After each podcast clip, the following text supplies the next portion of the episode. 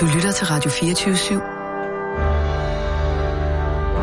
Velkommen til den korte radioavis med Rasmus Bro og Kirsten Birgit Schøtz-Krets Hørsholm. August ved Vestkysten. Det er noget af det mest uhyggelige, jeg kender at se på.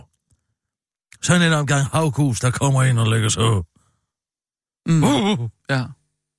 Hvorfor? Hvorfor? Ja. Hvorfor ikke?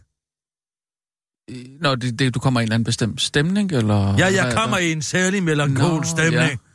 Du tænker på den 13. kriger, der hvor uh, The Fireworm kommer nej, ned ja, fra nej, bjerget. jeg tænker aldrig på den 13. kriger. Aldrig nogensinde. Du har da set den? Altså der, hvor Ja, The ja, ja, Fireworm ja, kommer ja, ned. Der, der, ja, der er ja, sådan, ja, der, ja. fordi der, der, når, når, når togen kommer og sådan noget der, så bliver det jo hyggeligt, ikke? Og så kommer, så kommer Jamen, The det er Fireworm. at motorkonen, være der brygger. Uh, Ja, det, det viser sig jo bare at være mennesker. jeg ved jo godt, at der ikke er noget at være bange for. Jamen, det er bare stemningen der. Jamen, Ja, det, jamen, det kan, jeg stemningen. godt, kan jeg godt følge. Men øh, ja, her har I mig Ja, jeg så måtte jo ringe rundt i går tilbage. til alle mulige forskellige og, og få informationer via en telefonsvarer. Synes Jamen. du, at det er øh, særlig, hvad skal man sige, respektfuldt over for en kol- kollega?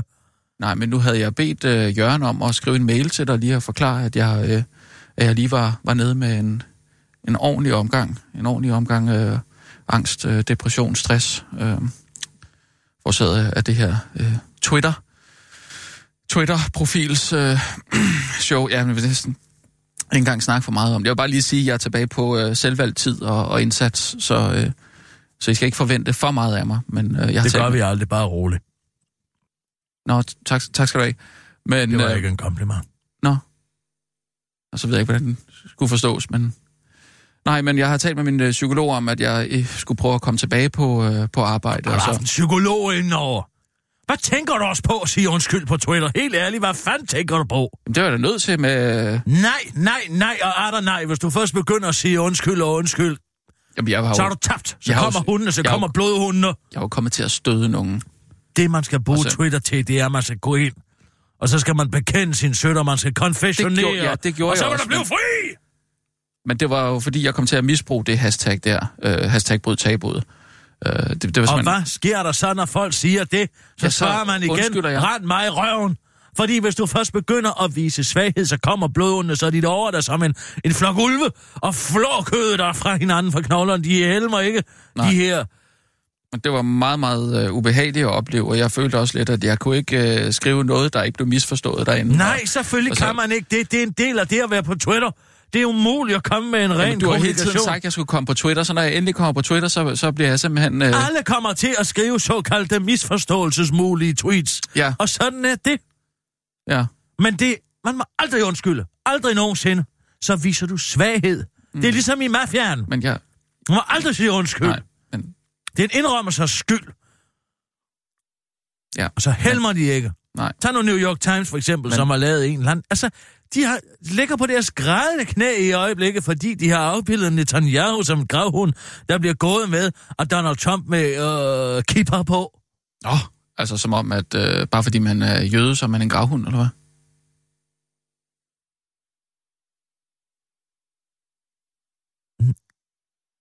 Hvad?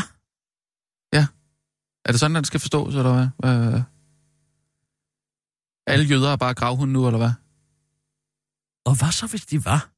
Og hvad det er så, hvis, og hvad så, hvis det var... Hvis det, det er jo altså, ikke da New sjovt. York Det Times er sjovt. ude og skrive, ja, det var en enkelt redaktør, der misforstod noget, og det var ikke til udgivelse. Nå, og det var og godt, vi de har beklager, trukket den tilbage. Og vi beklager, og vi beklager, Nå. og vi beklager, og vi beklager. Det er fandme godt, de trækker Hvorfor trække den tilbage? En fuldstændig uskyldig satiretegning, Roald det. Alsted. Den er ikke Det uskyldig. er Hvis, hvad nu, engang- hvis folk går og tror, at, øh, at man bare kan, kan øh, sige til alle jøder, at de er ligesom en gravhunde? Det handler vel om, at øh, øh, Israel øh, er, er, USA's skødehund. Og de har brug for en leder, og de har brug for en stærk mand til at beskytte Ja, deres det kan, man da, det kan man da skrive. Det behøver man da ikke at tegne på sådan en... Øh... Det handler en- vel om, at Donald måde. Trump har godkendt uh, Golanhøjderne som en tilhørende, uh, uh, tilhørende Israel og Jerusalem som deres hovedby ved at lægge sin ambassade der for, uh, for, for, for, for, for et par år siden. Det er vel det, den tegning skal... Så Jo, hvad men kunne de, ikke skrive for det, noget? kunne de ikke skrive det som en politisk analyse eller noget fortælle, der sker sådan det er her jo og sådan det, her? ta- det er jo så- det, en, altså det er jo, kan du huske dengang, uh, Kenneth, uh, Hvad er han? Han fra Netto nu. Han der var generaldirektør ude i Danmarks Radio. Kenneth... Øh, Plommer.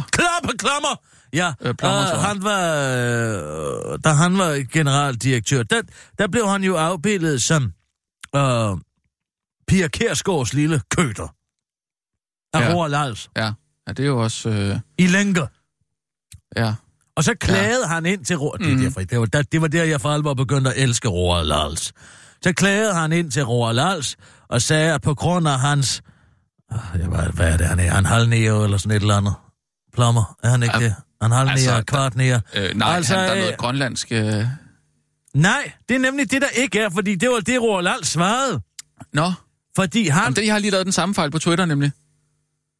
Hør nu efter, hvad jeg fortæller ja, dig. ja. Så klager han ind til Roald Lals og siger, at på grund af de... Øh, hans forfædre var slaver, eller hvad fanden det er for noget med dem.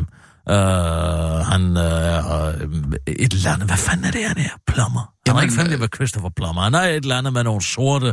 Øh, sorte fidus med. Ja, han er grønlænder. Nej, han er ikke grønlænder. Jo, jo, Han du- er spanier. han har jo de her, Han er øh, mor. Nå, Nå. men hvorom alting er. Så siger han, at det kan ikke være, fordi at vi har slaver i... Øh, jeg vil ikke afbilde som i lænker, eller hvad fanden er et eller andet. Og så svarer han til, så svarer Roald Lars ham tilbage, Nå, jeg troede sgu, du var grønlænder. Det tror jeg også. Jamen, det, det der er pointen. Nå, Pointen er, at Roald Lals beder Kenneth Plummer om at rende og hoppe. Og i øvrigt, Men- men, de næste viser, 10 han- uger var han øh, afbaldet som skødehund. Det er det, man skal. Man må ikke undskylde over for nogen som helst ting, så har du tabt. ja. Men jeg tror, jeg tabte i det øjeblik, jeg oprettede en profil, fordi det, det går altså meget imod det, som jeg har øh, aftalt med, med Bodil, at jeg kun er på et socialt medie. Og, og der kan jeg bare mærke, at øh, der, der kom simpelthen for meget arbejde i at vedligeholde den. Øhm, Ja, det er fordi, du hele tiden sidder og undskylder. Og jeg beklager meget, og så er jeg misforstået, og det må I meget undskylde. Og jeg sletter dit, og jeg sletter dat. mm, Det handler om, når man går ind på Twitter, skal man bare være parat til at løfte mellem øh, den lange fingeren på hver, hver af sine hænder og sige, sådan her. Det her, her er min undskyldning. Fuck, fuck, ja, simpelthen. Ja. Det, Det er jo det, ikke der en, en særlig god Twitter. måde at kommunikere Nej, med folk på. sådan er Twitter. Men man skal vel heller ikke kommunikere alt for meget. Nej, det er nemlig hvorfor det. Tak skal du have, Nina. Og, altså, Ja, der er det jo nogen, der skriver, så svarer jeg jo. Det er jo bare rakket. Hvad mener du? Bare ud med det, og så lad det stå, tænker jeg. Sådan det. Det handler om, at du går ind. Du skal heller ikke sidde og diskutere med præsten, når du sidder inde i, øh, til øh, og, og får aflad. Hvad, hvad med det? Hvad mener du egentlig med det? Det er Nå, bare, Nå, ja. du er hermed aflad, sådan videre, ud og videre i sit liv, og så tilbage til at være gangster. Ja, okay. Ikke? Jamen, sådan havde jeg ikke lige uh, set, set på det på den måde der. Men i hvert fald, det korte lange er, øh, jeg er her lige på, på selvvalgt øh, tid og indsats her det næste stykke tid til lige at, Det er godt at have dig til lige tilbage, at få... Rasmus. Ja, tak skal du have, Nina. Det er sødt af dig. Okay, Ja, nu, ja, nu men kigger altså, jeg sådan set på dig. Ja, det kan jeg godt se, men jeg skal nok lave en nyhedsudsendelse. Ja, det var ikke det, jeg mente. Og nu, live fra Radio 24 Studio i København. Her er den korte radiovis med Kirsten Birgit Schøtzgrads Hasholm. Rendezvous med Marine Le Pen. klarede næsten uden misforståelser. Fransk kan for mange ikke fransktalende være rigtig svært sprog at mestre. Chevaux, cheval og alt det der. Og således øh, var der også, øh, der også lagt op til, at der godt kunne opstå et par sproglige misforståelser under det franske visit mellem lederne af det nationalistiske franske parti Rassemblement National, øh, Marine Le Pen og udenrigspolitisk selskab med Dansk Folkeparti Søren Espersen i spidsen. Men det var ingenlunde tilfælde, det slår Søren Espersen nu selv først over for den korte radioavis. Jeg synes, det gik rigtig, rigtig godt, siger han og peger på, at alle de fine sproglige nuancer selvfølgelig godt kan være lidt svære at udtrykke, når man forsøger at gøre sig forståelig på sit skolefransk. Men det betyder også ikke så meget, når vi i forvejen helst ikke vil forstå nuancerne i hendes politik, tilføjer han og peger på, at han heller ikke lige kunne huske det franske ord for antisemitisme. Der var også lidt øh, bøvl med at finde franske ord for, at Italie, Italiens vicepremier indrigsminister Matteo Salvini, som øh, Dansk Folkeparti og Rassemblement National øh, netop er i gang med at danne en ny EU-supergruppe med, har økonomiske forbindelser til Putin, og derfor ønsker at ophæve EU-sanktioner med Rusland. Ja, det er sgu lidt svært at stå og tale om på fransk, når det jo skulle være et hyggeligt møde, udtaler Søren Espersen til den korte radioavis, men peger på alt, at alt i alt Ja, så var det et rigtig hyggeligt møde uden de store sproglige misforståelser. Ja, okay. Jeg var lige den der, hvor jeg kom til at sige, at Dansk Folkeparti var daglig regering, i stedet for uh, l'extérieur regering.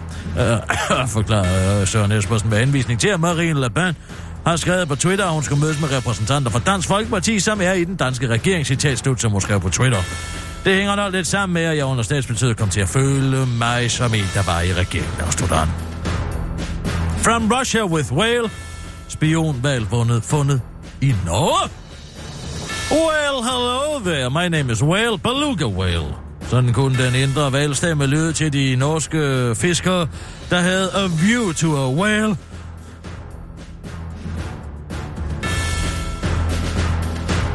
En hvid val for at være præcis, der svømmede rundt om deres båd. Men valen havde mere end blot license to whale.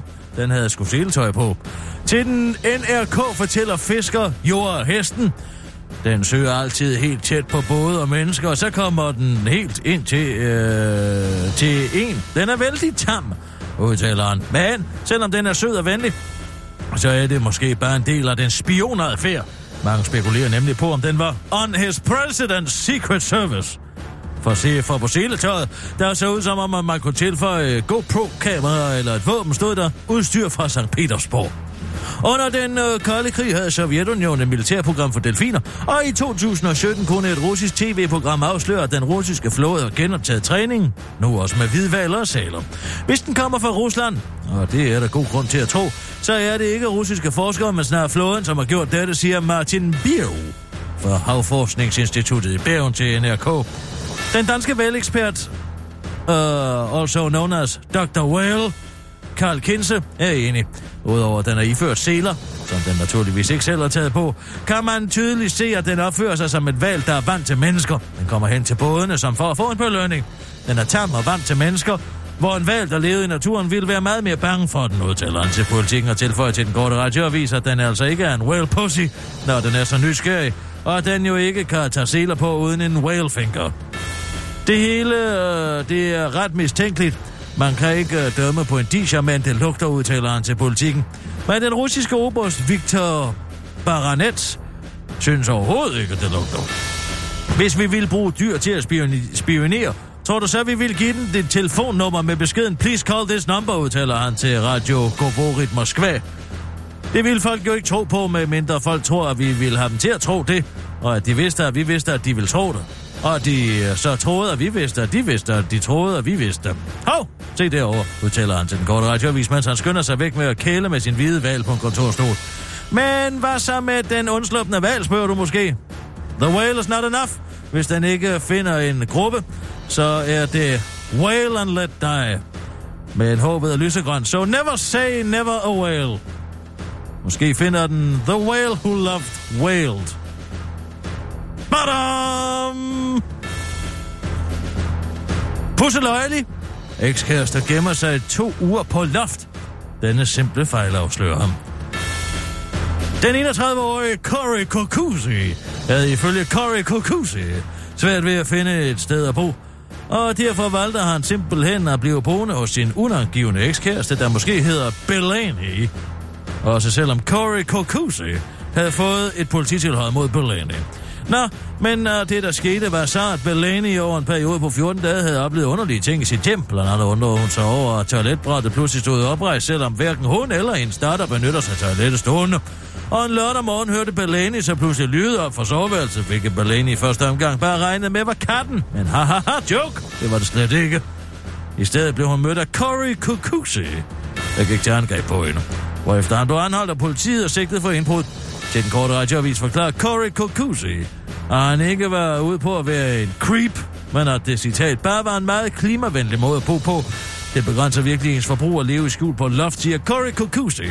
Til den korte radioavis, før han tilføjer, hans citat er brandærgerlig over, at han glemte det skide toiletbræt. Det var derfor, vi gik fra hinanden i første opgang, afslutter Corey Kukusi til den korte radioavis. Det var den korte radioavis med din uh, heldinde, veninde og værtinde og gudinde, Kirsten Birgit Sjøtskrets Hørsholm, og det blev jeg ved med at være.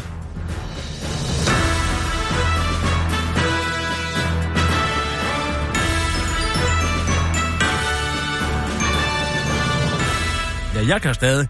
Øh. Jeg ved ikke med dig, men jeg kan stadig, som du hører. Ja, ja, det kan du da, men du har så heller ikke været øh, udsat for det værste, man kan øh, blive udsat for på Twitter. Blive lagt for had på den måde. Ja, det er du selvfølgelig øh, daglig, men, men alligevel, du har været forberedt på det de gange, hvor du... Øh, ja, det må man, altså de ting, du Det udtrykker, at der kan man også sige... psyke. Kan du slå din empati fra? Øh, nej, det kan jeg da ved Gud ikke. Nå, det er måske det, der er problemet. Du skal måske Jeg tror bare der holde dig der fra Twitter. Men, Men jeg sige, Gud, hvor er det kedeligt for tiden. Der sker ikke en skid. Alle går og venter på det hele. Jeg siger, Ja. bare tryk på knappen. det skal du altså ikke sige. Så er der gang i valget. Apro- Valget, valget, valget. Det kører nat og dag. Valget, valget. Hey, hey, hey. Så jeg kan slappe af. Mm. Men der er jo altså også andre ting. Øh, Blandt andet den Brix. der øh, valg der. Øh, og øh, jeg ved ikke, om du er klar, men, øh, men Tine Jersing kommer jo lige forbi øh, for at, øh, at tease for 55 minutter. Øh, Hvad er det for noget? Jamen, øh, det er besked fra allerhøjeste steder. Der skal simpelthen være en, øh, en bedre synergieffekt mellem programmerne her på, på kanalen. Så hvis vi lige kan tease for 55 minutter... Hvad skal jeg sige om det? Ja, du skal ikke sige noget. Du skal interviewe Tine Jersing, der kommer oh. ind og fortæller om dagens emne, som, øh, som så vidt jeg har forstået, så øh, skal det handle om den der russiske valg. Bare i 55 minutter. Øhm, og, øh, Bare ja, i altså for, 55 minutter. Bare kun i 55 minutter. nej, altså, øh, øh, programmet var 55 minutter. Gør det. Ja, sådan cirka, ikke? Gør det det. Det er da ret Altså, jeg altid synes, det var falsk varebetegnelse. Altså 20 minutter er det jo et nyhedsoverblik. Teknisk set, så var 55 minutter 35 minutter. Og det burde man tage op. Allerede der, der har du og bryder den kontrakt, vi har med lytterne. Er det ikke rigtigt, Nina? Hvis du Enig. blev, blev, blev, blev bedt om at lytte til et program i 55 minutter, Mm. og du så fandt ud af, at der kun var gået 35 minutter, da programmet var slut. Ja, men, Hvad Så vil vil du jeg- så sige? Jeg vil sige, jeg Hvor føler er mine 20 snydt. minutter, bitch? Kirsten, lad være med at sige noget til hende om, at det er, fordi de ikke har nogen lyttere derovre eller noget. Det er for at skabe øh, Nå, øh, den her on. synergi-effekt. Synergi-effekt. Hvor her bevares, jeg skal bruge min tid på at opreklamere noget avl. skal vi lige sige velkommen til... Øh, Hvor er mine 20 minutter, bitch? Det er der ked af. Mangler du 20 minutter?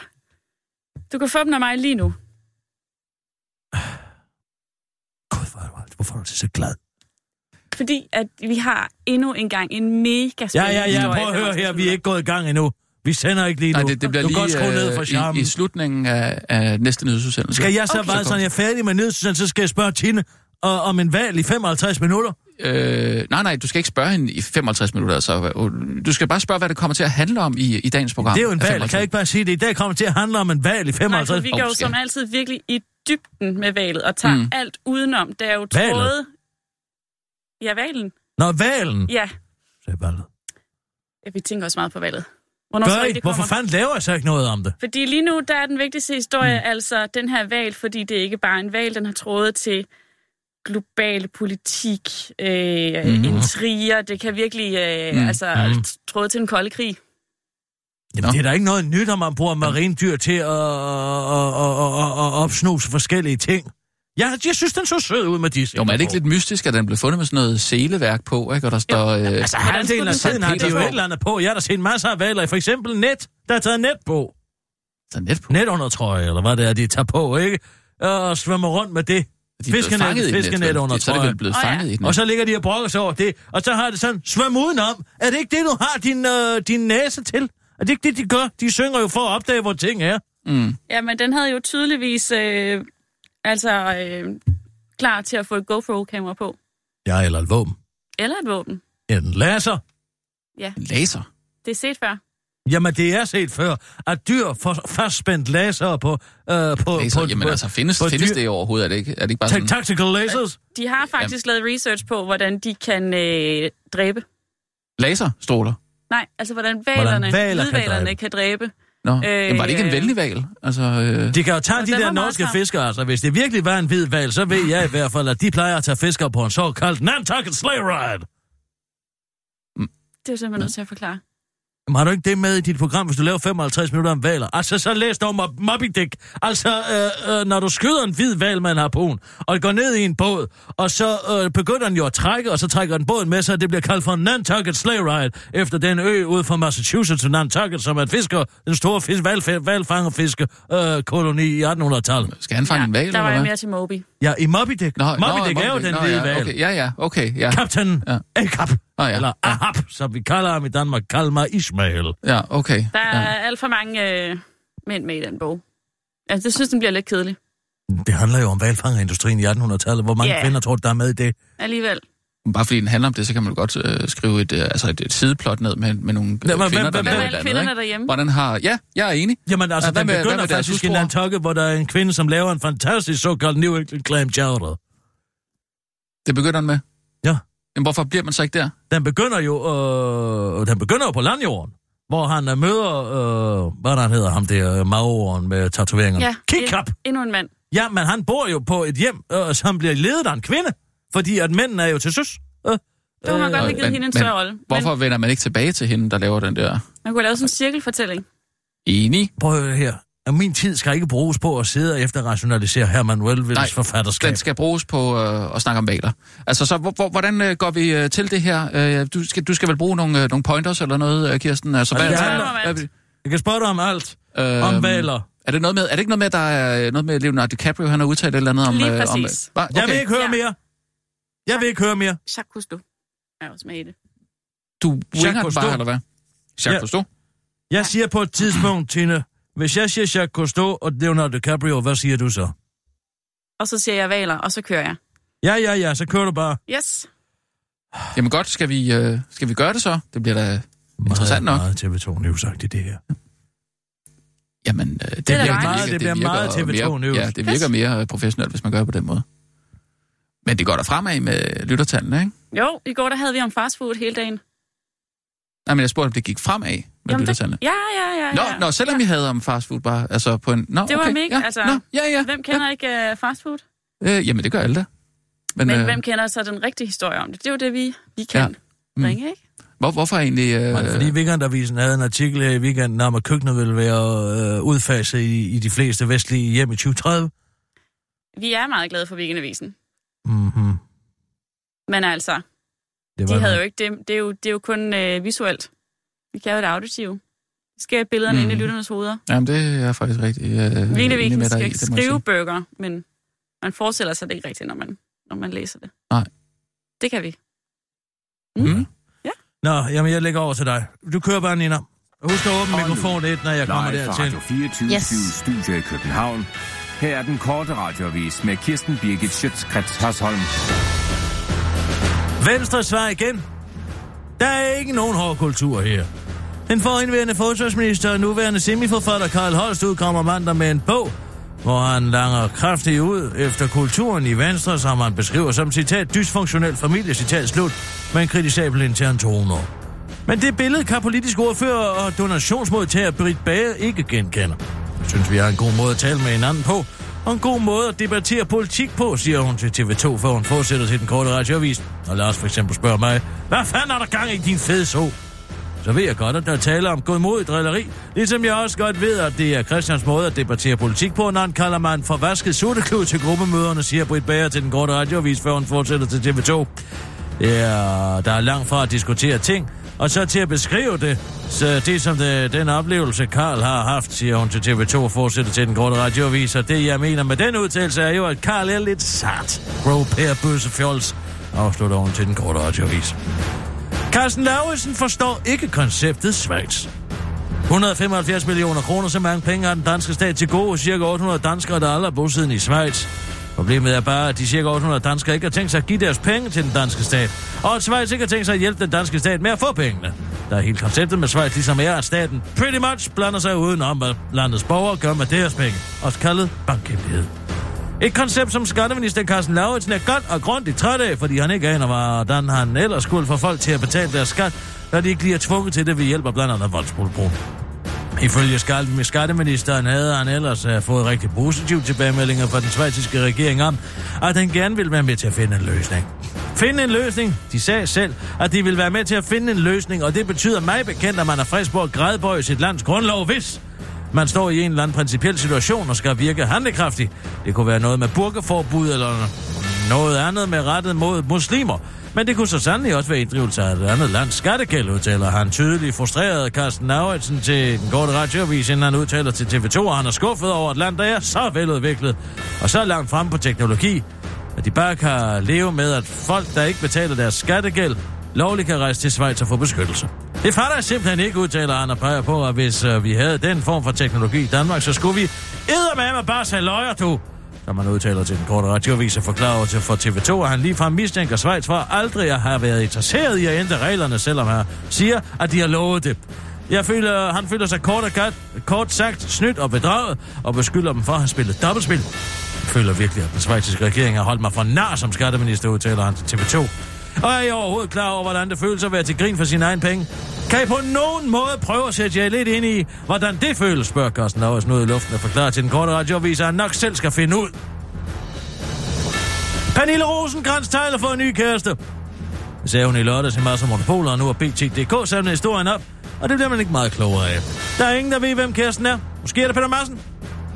Stort tillykke til Pernille. Svømmeunion afviser kritik.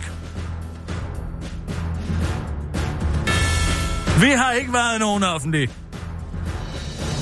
Dansk Svømmeunion afviser nu, at der er fundet offentlige vejninger sted på landsholdet, siden forbundet forbød offentlige vejninger i 2005. Retningslinjerne er blevet fuldt, og de er blevet efterlevet, siger Karl Lars Gren Bak, der er sportschef i Dansk Svømmeunion til DR og afviser dermed kritikken fra mindst 23 svømmere, der har følt sig offentlig vejet. Følt sig offentlig vejet. I perioden 2005 til 2013 de svømmer lyver ud, dyber sportschefen til den korte radioavis. Selvom svømmestjernen Mette Jakobsen og Jeanette Ottesen i dokumentaren med den poetiske titel Svømmestjerner under overfladen beskriver en hårdhændet kultur på det nationale træningscenter, hvor de især de offentlige vejninger var ubehagelige. Det er selvfølgelig ærgerligt, at vores største svømmestjerner også ser sig nødsaget til at lyve. Ja, de gør det nok for opmærksomhed. Det har jeg hørt er populært, og at man bliver afhængig af den, siger Lars Grenbak til den korte radioavis, mens Janette Ottesen i dokumentaren får sat et par ord på de offentlige vejninger. Jeg ser det som rigtig fangelejagtigt. Når jeg ser køen foran mig, bliver jeg det ekstremt mørkt inden i mig. Jeg husker hele situationen af hallen som ekstremt mørk, siger hun i dokumentaren, før hun fortsætter til den korte radioavis. Det er selvfølgelig et lille lyspunkt, og jeg trods alt vejede omkring 50 km mere end en typisk fangelejr men. Det var stadig ubehageligt, afslutter Jeanette Olsen til den korte radioavis. Og det var som sådan den korte radioavis. Men, den er ikke over endnu, fordi at nu skal jeg lave synergi imellem programmerne her på Radio 24 og en eller anden grund. Jeg har det så mere sådan, at hvert program må stå for sent. Men øh, jeg har fået Tine Jersen Knudsen, som er øh, programvært på 55 minutter, som er et program, som sender... Ja, jeg skal være ærlig at sige, jeg ved ikke, hvornår du sender, Tine. 1505, tror jeg nok. 15.05. Ja. I studiet, og hun, øh, hun skal simpelthen... Ja, hvordan er det, Tine? Du skal lave simpelthen 55 minutter om en hvidvalg med seletøj på. Lige præcis. Og, hvad, øh, er det for noget? Vi kan jo i, på 55 minutter supplere din udmærkede nyhed, men også meget generelle nyhed om valen. Mm-hmm. Øh, og vi går i dybden og finder sporet til Leonardo DiCaprio. Nå, og hvis jeg siger Leonardo DiCaprio og Jacques Cousteau, hvad siger du så? Så siger jeg 55 minutter. Uh, ja. Fordi at øh, vi har en teori om, at de 100 hvidvaler, ej, der var 10 spækhugger og 87 hvidvaler, der har været i valfængsler i Rusland. Valfængsler, hvad er det for noget? Og det er sådan nogle meget små bokse med valer i. Som er overvandet eller undervandet? Under vandet. Okay, Leonardo DiCaprio, som er delvis alle... vel, for de skal vel også trække vejret. Ja, de kan lige få snuden op. Men der er altså ikke meget plads. De fleste af dem trækker vejret gennem et åndehul på ryggen. Men allerede der så... Og Leonardo DiCaprio, han er den store... Øh, altså, han er dyrenes ven. Mm-hmm. Og han har startet en underskriftsindsamling på Twitter, der fik halvanden million underskrifter. Og Nå, det, han kan godt finde ud af at være der. ja, det er noget, øh, russerne kan forstå. Ja, nå, okay. Så øh, de har sammen med nogle øh, internationale videnskabsfolk øh, sagt, okay, vi slipper dem fri. Mm. Og en af de videnskabsfolk, det er Jacques Cousteaus søn, Jean-Michel Cousteau, som vi jo alle kender. Og han siger, at han er meget, meget rørt over det hele. Over det hele. Over Øhm, hele kroppen? Ja. Men at øh, han også er meget bange for øh, valernes helbred. Ved man disse- noget om, om hvorvidt de valer er blevet sat fri ved at skulle øh, springe hen over en form for bølgebryder, hvor der står en dreng på? Det kunne man sagtens forestille sig. De skulle netop bruges i øh, Kina til, øh, til vandparker. Så de har sikkert godt kunne det. Nå. Så bedst som de tror, ligesom at de fixeres øh, psyko, psykofarmakafanger her i Danmark, tror, at de kan komme videre og ikke blive bæltefixeret et andet sted, så bliver de sendt direkte til en valpark i Kina. Ja. Ja, så bliver det vel ikke bedre. Så må man vel hellere fange sig en norsk fiskerbåd. Men det er jo slet ikke første gang, at vi ser øh, valer blive brugt af øh, russerne, Nej. som du allerede har forklaret Ja, under det ved jeg. Det har jeg, jeg, har, det skal, jeg har sagt noget om det, ja. Man kan ikke sige russer uden at sige amerikanere. De har også gjort det. De har også gjort Ja. det. Men de havde det problem, at øh, de ville træne dem til at placere bomber på skibe. Men delfiner og hvidvaler, de kan ikke kende forskel på øh, ven eller fjende. Nej, og sådan er det jo også lidt i Game of Thrones. Det ved jeg ikke, om du ser. Nej, jeg skal skynde, skynde mig hjem efter 55 minutter hjem og se det. Du må ikke sige noget.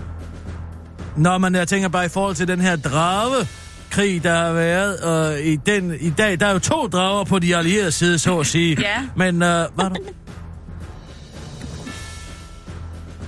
Hvad er det? Altså, Du spoiler. Må ikke spoil. er dragerne med i... Spoil. Må jeg ikke, hvad? Må jeg ikke Spoil. Spoiler alert.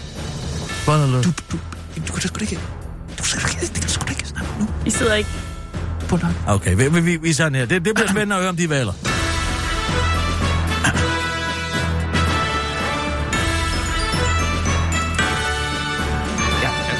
Undskyld, jeg stopper dig, Kirsten, men det jeg ved ikke, om du er klar over, hvor ikke heldig Game of Thrones er for, for, at- for seeren, de sidder derude. Du kan simpelthen ikke sidde og spoile. Det kan du altså, ikke. det- det- det- det- det er jo som en 55. åbning til... det gør vi heller ikke. Tine, det gør vi sgu Det er jo heller som ikke. en åbning til Altså, øh, vi har en kontrakt med dig. lytteren. Du er ved at slå ven. fuldstændig ud af den, da du begynder at snakke drager. Jeg skulle lige til at fortælle, at hvidvalerne ikke kan bruges, fordi de får kuldskær, og de er dårlig hukommelse. Og nu har have lytterne ikke det at vide. Nu må de så vente. Nej, så bliver du jo nødt til at lytte til dit program. Altså, Kirsten, Ja. du er nødt til at holde... Øh, altså, spoilers.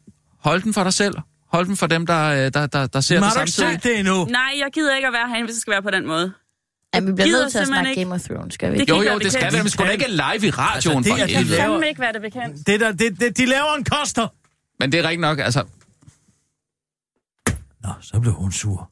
Ah, men det er ikke skide smart. Du slår hende fuldstændig, at du står i en live-udsendelse og begynder at snakke Game of Thrones. Jeg taler bare om, at det med at kende ven fra fjende er jo netop en stor problematik, særligt i luftkampe. Ej, men- Hvorfor man i lang tid, lige så snart man har haft et luftvåben, jo har glad, ofte, altså store markører på vinge og taleparti på et fly, sådan så man let kunne se i en, i en luftkamp, hvem der var ven og hvem der var fjende, og hvorfor de Ja, det- allierede det ikke har gjort Det det med de to. ikke det, jeg hørte dig altså, Daenerys og John har jo begge to en drage, som de flyver hver på, men det er midt om natten. Det er jo svært at se, hvilken drage der er hvilken. Lav nogle store markører. Lav, Nå, skriv øh, noget på vingerne af jamen, du dragerne, sådan så man let Mm. i den Jo. krig, altså det hele Jamen, det er taget, totalt den med dig i. eller slagscene var ikke. jo fuldstændig idiotisk. Altså en hver, Ej, der ved lidt, fed. det er en hver, der ved en lille smule om militær taktik, tager sig jo selv til hovedet og tænker, hvad har de gang i Ej, her? synes du ikke, det var fedt, hvor de der uh, Dothraki, de har de reddet ud med, med, med brændende svær, og så, Og så så, slukkede de bare sådan... Fuldstændig Det var idiotisk brug af kavaleri. Altså en hver ved jo, at man aldrig det. sætter kavaleriet afsted, før man har en visuel rekognoscering af fjenden, Nå, og man ved, hvordan de står. Man sætter jo ikke et helt kavalerienhed ind igennem og ud i en kamp, hvor man ikke har det, man kalder for visuel kontakt med fjenden. nu, nu forstår jeg ikke helt. Taler vi om uh, Game of Thrones ud fra, om, om det var et godt afsnit, eller snakker vi ud fra et eller andet uh, militær uh, taktisk Jamen, øh, jeg kan jo ikke se det uden at sidde og tage mig til hovedet. De her trebucherende er placeret mellem kavaleriet og infanteriet. En Hvem? hver ved jo, at trebucherende, altså den hårde indirekte øh, artilleri, skal stå bag infanteriet. For ellers så kan du ikke skyde henover. Altså, Du har sagt mange ord nu, jeg ikke forstår. altså de her trebucherer med. Ikke også de her store, Jo, altså. skal vi sige katapulter, for at du kan Ah, forstå det. ja, ja. De Hvor de sætter kaster ild til de der... Øh, Det er- Hvad er det, de skyder afsted egentlig? Ja, det er jo... Ild. Ja, det er jo det, som man, Jo, men men, hvordan- man, man, man i, i oldtiden kaldte for Roman fire, ikke? Ja. Altså uh, romersk ild. Et store krukker fyldt med olie, som man skyder afsted. Det der får, det er en værdi, det er, at de lander et sted i- for, for, i det infanterimæssigt for fjenden, meget uh, kompakt område og har en meget stor ødelæggelse. Det mm. er inter, i, i en hver krigsførendes interesse mm. i, en, i en slav situation, at man altid har dem i brug så lang tid som muligt. Hvorfor det er Ja, de kun stille- en af... de skrider dem jo stadig lige så snart kavaleriet er blevet sendt Nå, ud. ja. I øvrigt det, som de gør der, at man sender kavaleriet uden at have visuel kontakt og lave en general Koster. Det var jo det, der Ah. kostede Koster sejren ved slaget ved Big, Little, Big, Big Little, Big Little Bahorn. Altså det her med, at øh, han sender dem afsted uden overhovedet at kunne se fjenden, Det var og så bliver det lidt- overrejse. altså, det det, var er meget dumt. lidt mister du aldrig uheldigt. kavaleri der. Ja. Det man så Skulle man ikke igen hellere gør, det er, man forsvare har infanteriet stående foran de forsvarsværker, man har lavet. Boldværket rundt om, mm. hvad det hedder, rundt om øh, den her skyttegrav fyldt med olie i. Det, det skaber jo en flaskehals, når man skal retirere. Åh, Når du skal have retræten, Ja, ja, det når du blæser retræten, så skal du igennem lige et der. meget, meget lille, kort stykke ud ind. Ikke også? Okay, så har vi det med ja. markørerne på dragen, som er fuldstændig idiotisk. Altså har man luftsupport, så skal man altid hvad skulle sørge... det være for nogle markører? Altså, Jamen, man der, kunne der for eksempel ikke have øh, en- lamper jo. Skulle det have sådan Jamen, nogle... du, det er jo sådan så, at andre kan se oppe i luften, at man har at gøre med ven eller, ven eller fjender. Fordi ja. at Night King Cole, han har jo altså også en drage. Husk lige på det. Og derfor så kan man ikke nødvendigvis se, hvilken drag... I, altså, du kender ordsproget. I, I mørket er alle drager grå, eller alle katte grå, mm, ikke? Alle mm, katte grå. ja. Og, og det er jo samme problem her. Det kan være, at de har nuanceforskelle i, i skarpt dagslys, men i natten er det svært at se. Derfor et par markører på haleparti eller på vinger ja. Ja. vil have gjort luftkampen meget lettere. Noget andet, man gør, når man har øh, luftsupport, det er, at man altid sørger for, at de kun har én opgave. Det nytter jo ikke noget, at man både sætter dem til at have såkaldte dogfights, altså øh, kampe drager imellem, mm. samtidig med at være luftstøtte for infanteriet på selve slagmarken. Så de skal slet ikke gå efter... Nej. øh, Men kunne man ikke have løst det ved at Men dele op? allerede før ah. det her har vi det problem med, at der ikke er etableret en såkaldt kill zone, hvor man kan koncentrere sin indirekte ild, og samtidig øh, koncentrere Ah, kill sin... zone. Ja, man har jo altid en kill zone. Man sørger for at Slagmark, lokke ikke? fjenden. Tag nu for eksempel Alexander den Store. Mm. Hans store øh, militære strategi gik altid ud på at finde ud af at fokusere, hvor fjenden ville være på et givet tidspunkt, og koncentrere sin store øh, kavaleri, flankemanøvre mm. ind mod dem skiftevis, hammer med en stor hammer ind på de store infanterimanøvre, og det få lokket fjenden hen i sin killzone. Men her har man slet ikke e- e- etableret noget som helst form for parameter i forhold til, hvor man vil have fjenden hen og hvornår. Nej. Ikke også? Men det var da fedt, det der med de ubesluttede Åh, der. jeg er ikke Nå. færdig endnu. Fordi når man så retirerer og blæser til retræten, så laver man altså en flaskehals, fordi man har lavet en voldgrav fyldt med olie. Ja, Ikke sandt? jo. Og så vil man øh, ja, i høj grad jo øh, begrænse den mulighed, der er for at og, og, og blæse til retræte til noget andet, er, at man har sin øverste officer forestillet. Altså, det giver ingen mening. Hmm. Man har jo aldrig hmm. sine øh, seniorofficerer stående i allerførste række. Altså, Nå. stop Det er jo det for er simpelthen ligesom fuldkommen at- idiot. og- og- Fuldkommen idiotisk, siger jeg dig. Men det er altså også lidt kujonagtigt, hvis ikke... Ja, det siger jeg også, hvis Øh, de ikke de står for os. Nej, Ja. det handler jo om, at man scenografisk og cinematografisk søger at få et billede af dem, ikke? Nej, altså, når man så øh, derudover tager i betragtning, at man har misbrugt sin trebuchet, og man har misbrugt sin tunge infanteri ved kun at fyre én gang. Mm, Ja, ja. fuldkommen idiotisk. Man har misbrugt sin luftsupport, fordi at man ikke... Det, de har heller ikke brugt til rekognoscering.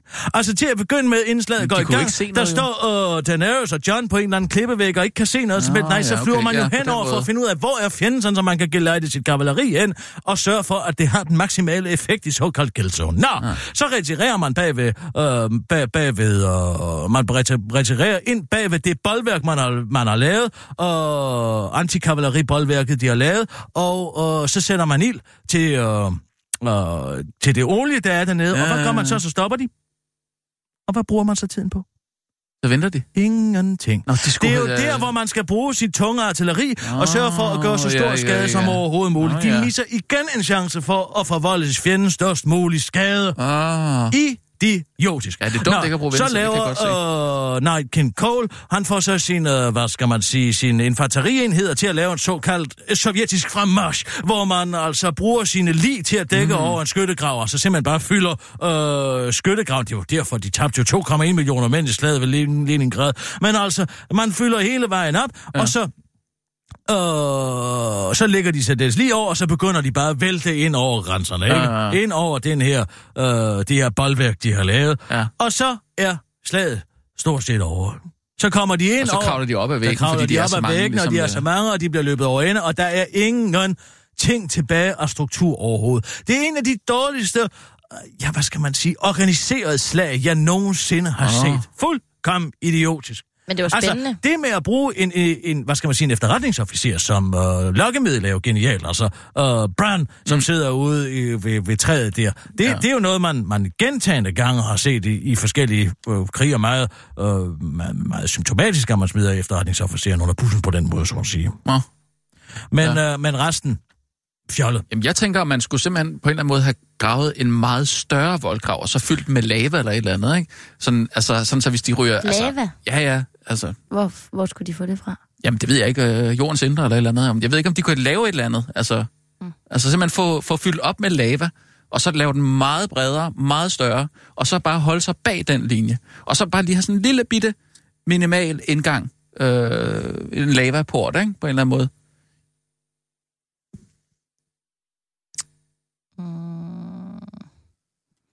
Jeg må sige, at jeg synes, at gengivelsen af Black Hawk Down, hvor, øh, hvad det hedder, Daenerys lander med sin øh, helikopter, så at sige, er sådan ikke en Black Hawk, men en Green Dragon Down, Ja, og, ja, ja. og bliver overløbet over ende, var meget fantastisk. Det bragte mindelser bag til, øh, til, til, til, til krigen øh, i... øh, Mogadishu. Ja, ja, ja, Mogadishu, ja, i Somalia. Altså, det var, øh, det, det var fantastisk. Der, der gøs det lidt. Men altså, jeg kom jo i tanke om, jeg gider ikke se mere. Jeg er færdig nu. Jamen, det har du sagt de sidste to gange. Nej, nu Skal du ikke se, hvad der sker ved King's Landing og Cersei? Og... Jeg er ligeglad. Altså, Ved du hvad med- hvad med jeg Arya? fandt, jeg, Altså, fandt ud af, jeg fandt ud af, at jeg var ligeglad. Ja, kan vi der. ikke De lige kunne have tale slået om mig som... Arya? Lad os lige tale om, hvor fed Arya er. Det var jo min favorit fra start. Det er bare fordi, I ligner hinanden. Jamen, gør det noget? Nej, det gør det da ikke. Jeg synes jo også godt om Brian of Tarth, fordi vi har en, en slående lighed med hinanden. Hende var jeg faktisk sikker på, at ville dø i det her afsnit. Ah, jeg sad virkelig også og frygtede for det. Hende eller Jamie, jeg var sådan en af dem. Ja, En af da, dem dør da, altså. da de blev rendt over ende, der tænkte jeg, nå, skide ja, med. Ja, måske dør de sammen, måske holder de en anden i hånden, og måske råber Jamie lige, I love you, eller et eller andet, ikke? Og så dør de. Det var, det var sådan, jeg havde set den. Men hvad var det, jeg sagde om krypten? Hvad var det, jeg sagde om krypten? Det er rigtigt. Yes. Jamen, det skulle man jo Point. ikke have særlig mange Point dig. for at regne ud. Den har Stig Tøfting jo også kaldet den der. Hvad har han? Ja, Stig Tøfting har lavet den samme forudsigelse. På Twitter? Ja. Jamen, jeg ved ikke, hvor... Ja, okay. Jeg troede faktisk, at det var mig, der havde ja, den der, men altså... Stig Tøfting alligevel. Den har han regnet ud. Ja. Det må han da have fået fra mig på en eller anden Måske måde. er du ikke så øh, begavet alligevel, hva'? Du har da ikke regnet det ud i hvert fald. Ej, jeg kan sgu da sige sig selv, om der kommer en mand, som kan øh, få de døde til at blive levende, så er det det værste sted, man skal gemme sine kvinder og børn og svage sjæle. Da Det, ned i en det var det, jeg sagde, fanden. men du reagerede overhovedet ikke på det, da jeg sagde det Nej, sidst. Var fordi sådan det er så åbenlyst, og øh, en, en, øh, øh, ja, det er så åbenlyst en forudsigelse. Nej, da, du troede da, at de var, øh, altså, at de var så øh, fordavet og ødelagte de, de der, at de ikke kunne noget som helst. Det var sikkert det, du troede, ikke? Men du havde ikke tænkt på, at der ville ligge nogle knoglerester, der ville kunne gå amok på den måde. Det havde du ikke regnet med. Og det, det var sådan set kun mig, der har. Jeg synes, det Der var godt set. Rasmus. Ja, Der er tøffe, ikke? Jeg ved så Ja. ikke lige, hvordan de, altså, de kunne slå hul på... Øh, det er jo bare noget med at grave. Det er det, der hedder the one-inch punch. Altså, det er inden der er en for... øh, øh, kildbælle der. Ja, det er jo faktisk... Øh, lige. Jeg har fundet på det. Bruce Lee. Nå, vi, Nej, men- øh, vi tager en Jeg siger nyhedsudsendelse, bare, det er ikke kildbælle, ikke? Og nu, live fra Radio 24 Studio i København. Her er den korte radiovis med Kirsten Birgit Schøtzgrads Hasholm. Junk Media. Vi vil bare gerne føre medierne tilbage til før 1500-tallet. Junk Media, altså de medier, der overhovedet ikke overholder basale journalistiske kriterier, såsom sandhed, den bruger politikerne gladeligt i deres arbejde. For eksempel Dansk Folkeparti's Pia Adelsten, der efter hun udfrittede Justitsministeriet om en falsk historie fra den korte avis, udtalte til politikken. Jeg kan ikke sidde og bruge min tid på at finde ud af, om en journalist har været god nok eller ej, for så vil jeg få nok at se til. Sejt piger. Nu har politikken hjulpet Pia Adelsten at undersøge de, der de såkaldte junkmeter, nemlig internetsiden Newspeak Network, der har der er styret af Kevin Mikkelsen og Peter Jørgensen, som ikke mener, at de har, taget an, de har et ansvar for indholdet på siden. Tager man Newspeak-brillerne på, er for eksempel Sverige i stillhed begyndt at forberede sig på en Ebola-epidemi, som følger indvandringen. Og sandheden om Brexit er, at Storbritanniens økonomi buller derudad. Ifølge et ekspertpanel af journalist for, journalistikforskere er artiklerne ofte også misvisende eller direkte forkerte. Og de har derfor stemplet det som et junkmedie, fordi kvaliteten er for dårlig. Men det tager Kevin Mikkelsen, som fik ideen til at starte Newspeak i 2015, men i dag har forladt mediet ikke så tungt.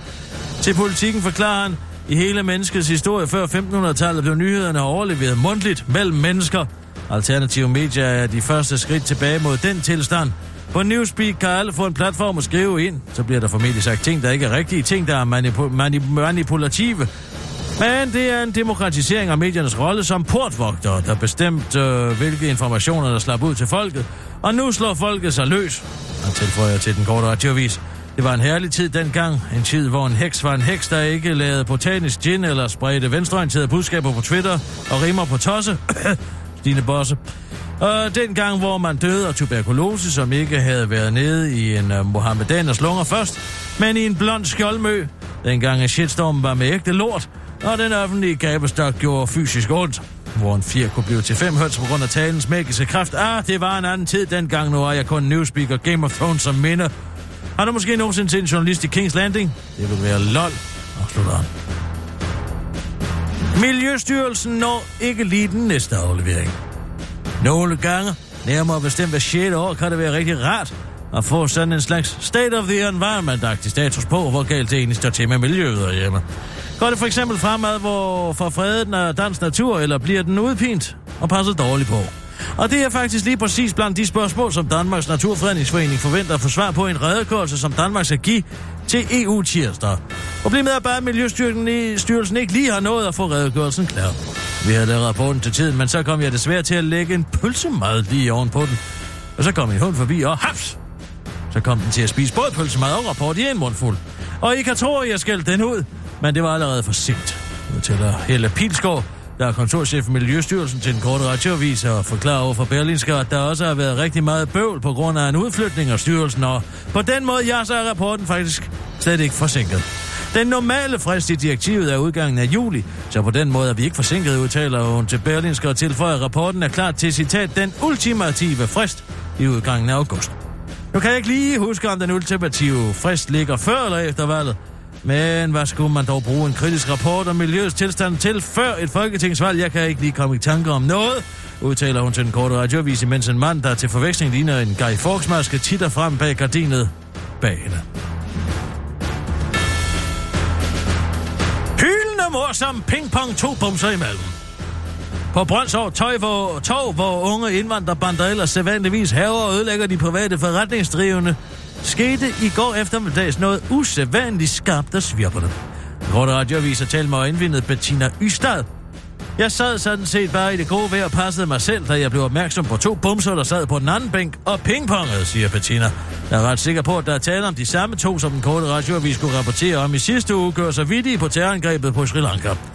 Nå, men den ene, der er sådan en jovial type, jeg mener, han hedder Bum. Og han siger til den anden, der kalder sig for Bim.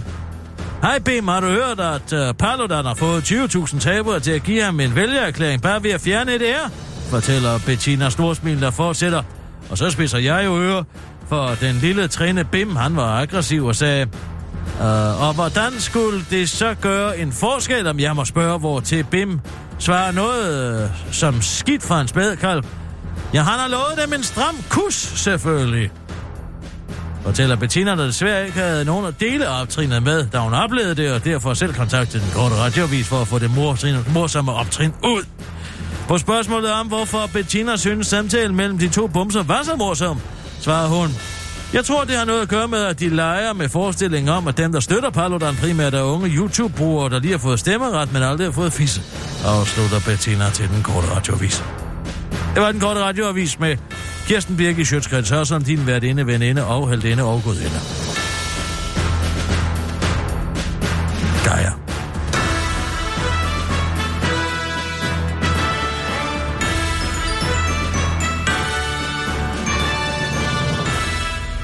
Øh, hvor- Hvornår er vi blevet øh, kontaktet hende der, øh, Bettina, hvad hedder hun, Ystad?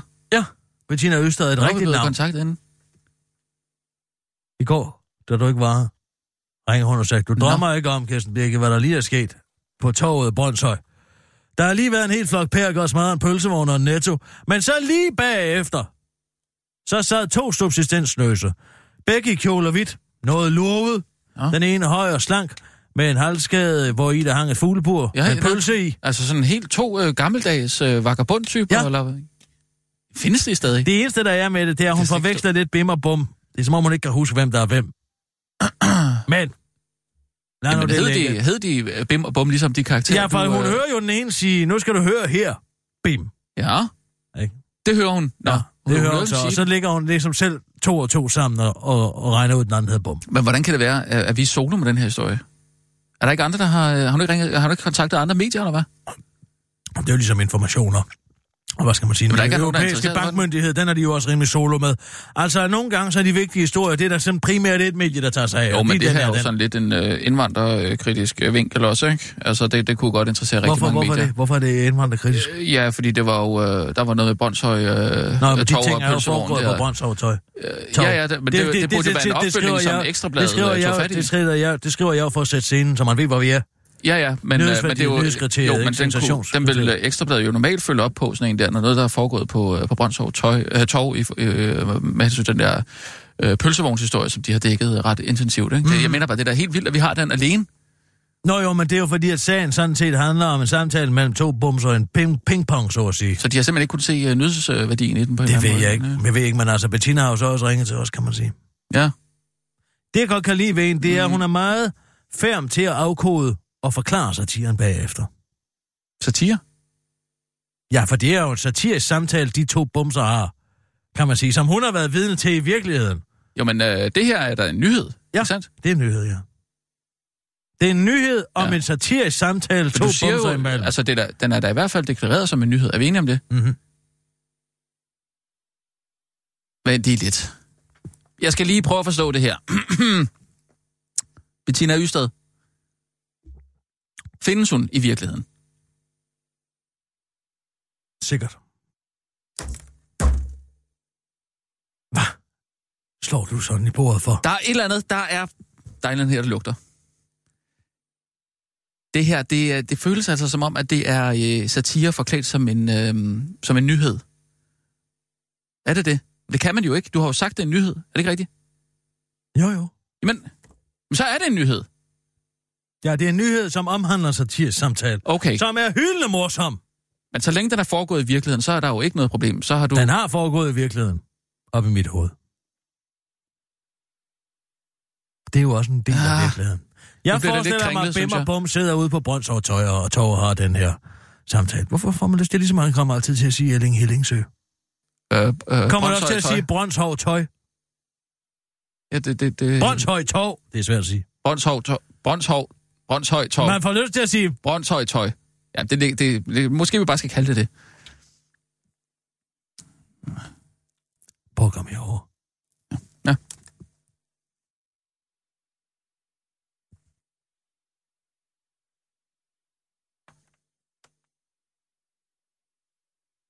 Hvad så? Det er satire forklædt som nyheder. Nej, det kan det ikke være, fordi øh, du siger det... Øh, det kom jo under en Det er for nyhedsudsendelse. flyve under radaren. Sådan så vi ikke. Men det kom jo under en nyhedsudsendelse. Hvad visker I om? Ikke noget, Nina. Ikke noget, du Øh, skal vi- vide vi- noget det, om. det er noget Det har været en helt redaktionelt, almindelig øh, nyhedsudsendelse. øh, Ja, ja.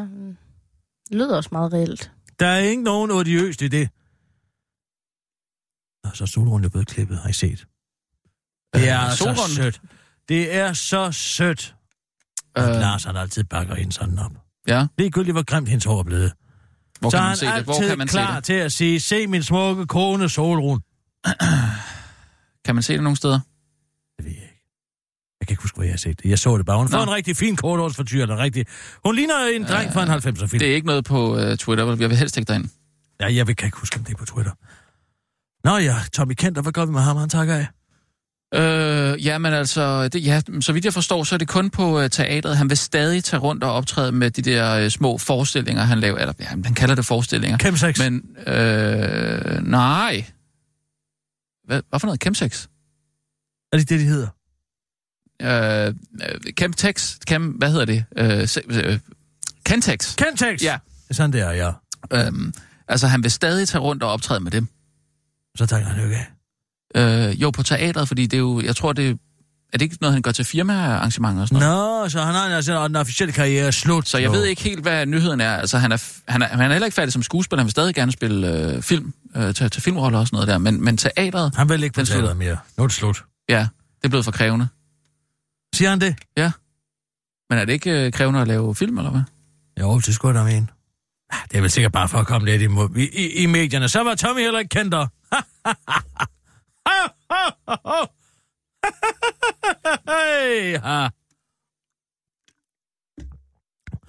Det kan Bimmer Bum sige i morgen på Husum Torv. Uh, ja, det kan de vel ikke. Hvor ikke? Ja, altså, så, så, skulle det, så skulle det foregå i virkeligheden, at der var øh, to... Jamen, jeg forstår ikke det her, Kirsten. Det kan du da ikke. Det kan man da ikke. Altså, hvis noget er en nyhed, så er det en nyhed. Det er konstruktivt. Så kan det ikke være- nyheder. Jamen, du er da nødt til at... Øh... Altså, hvis du gerne vil lave satire, så lad os tage det op igen. Så lad os kalde Michael her ind, og så lad os Nej, tage en det er god nemlig brainstorm. lige præcis det, jeg forsøger at undgå. Jeg vil have satiren fri.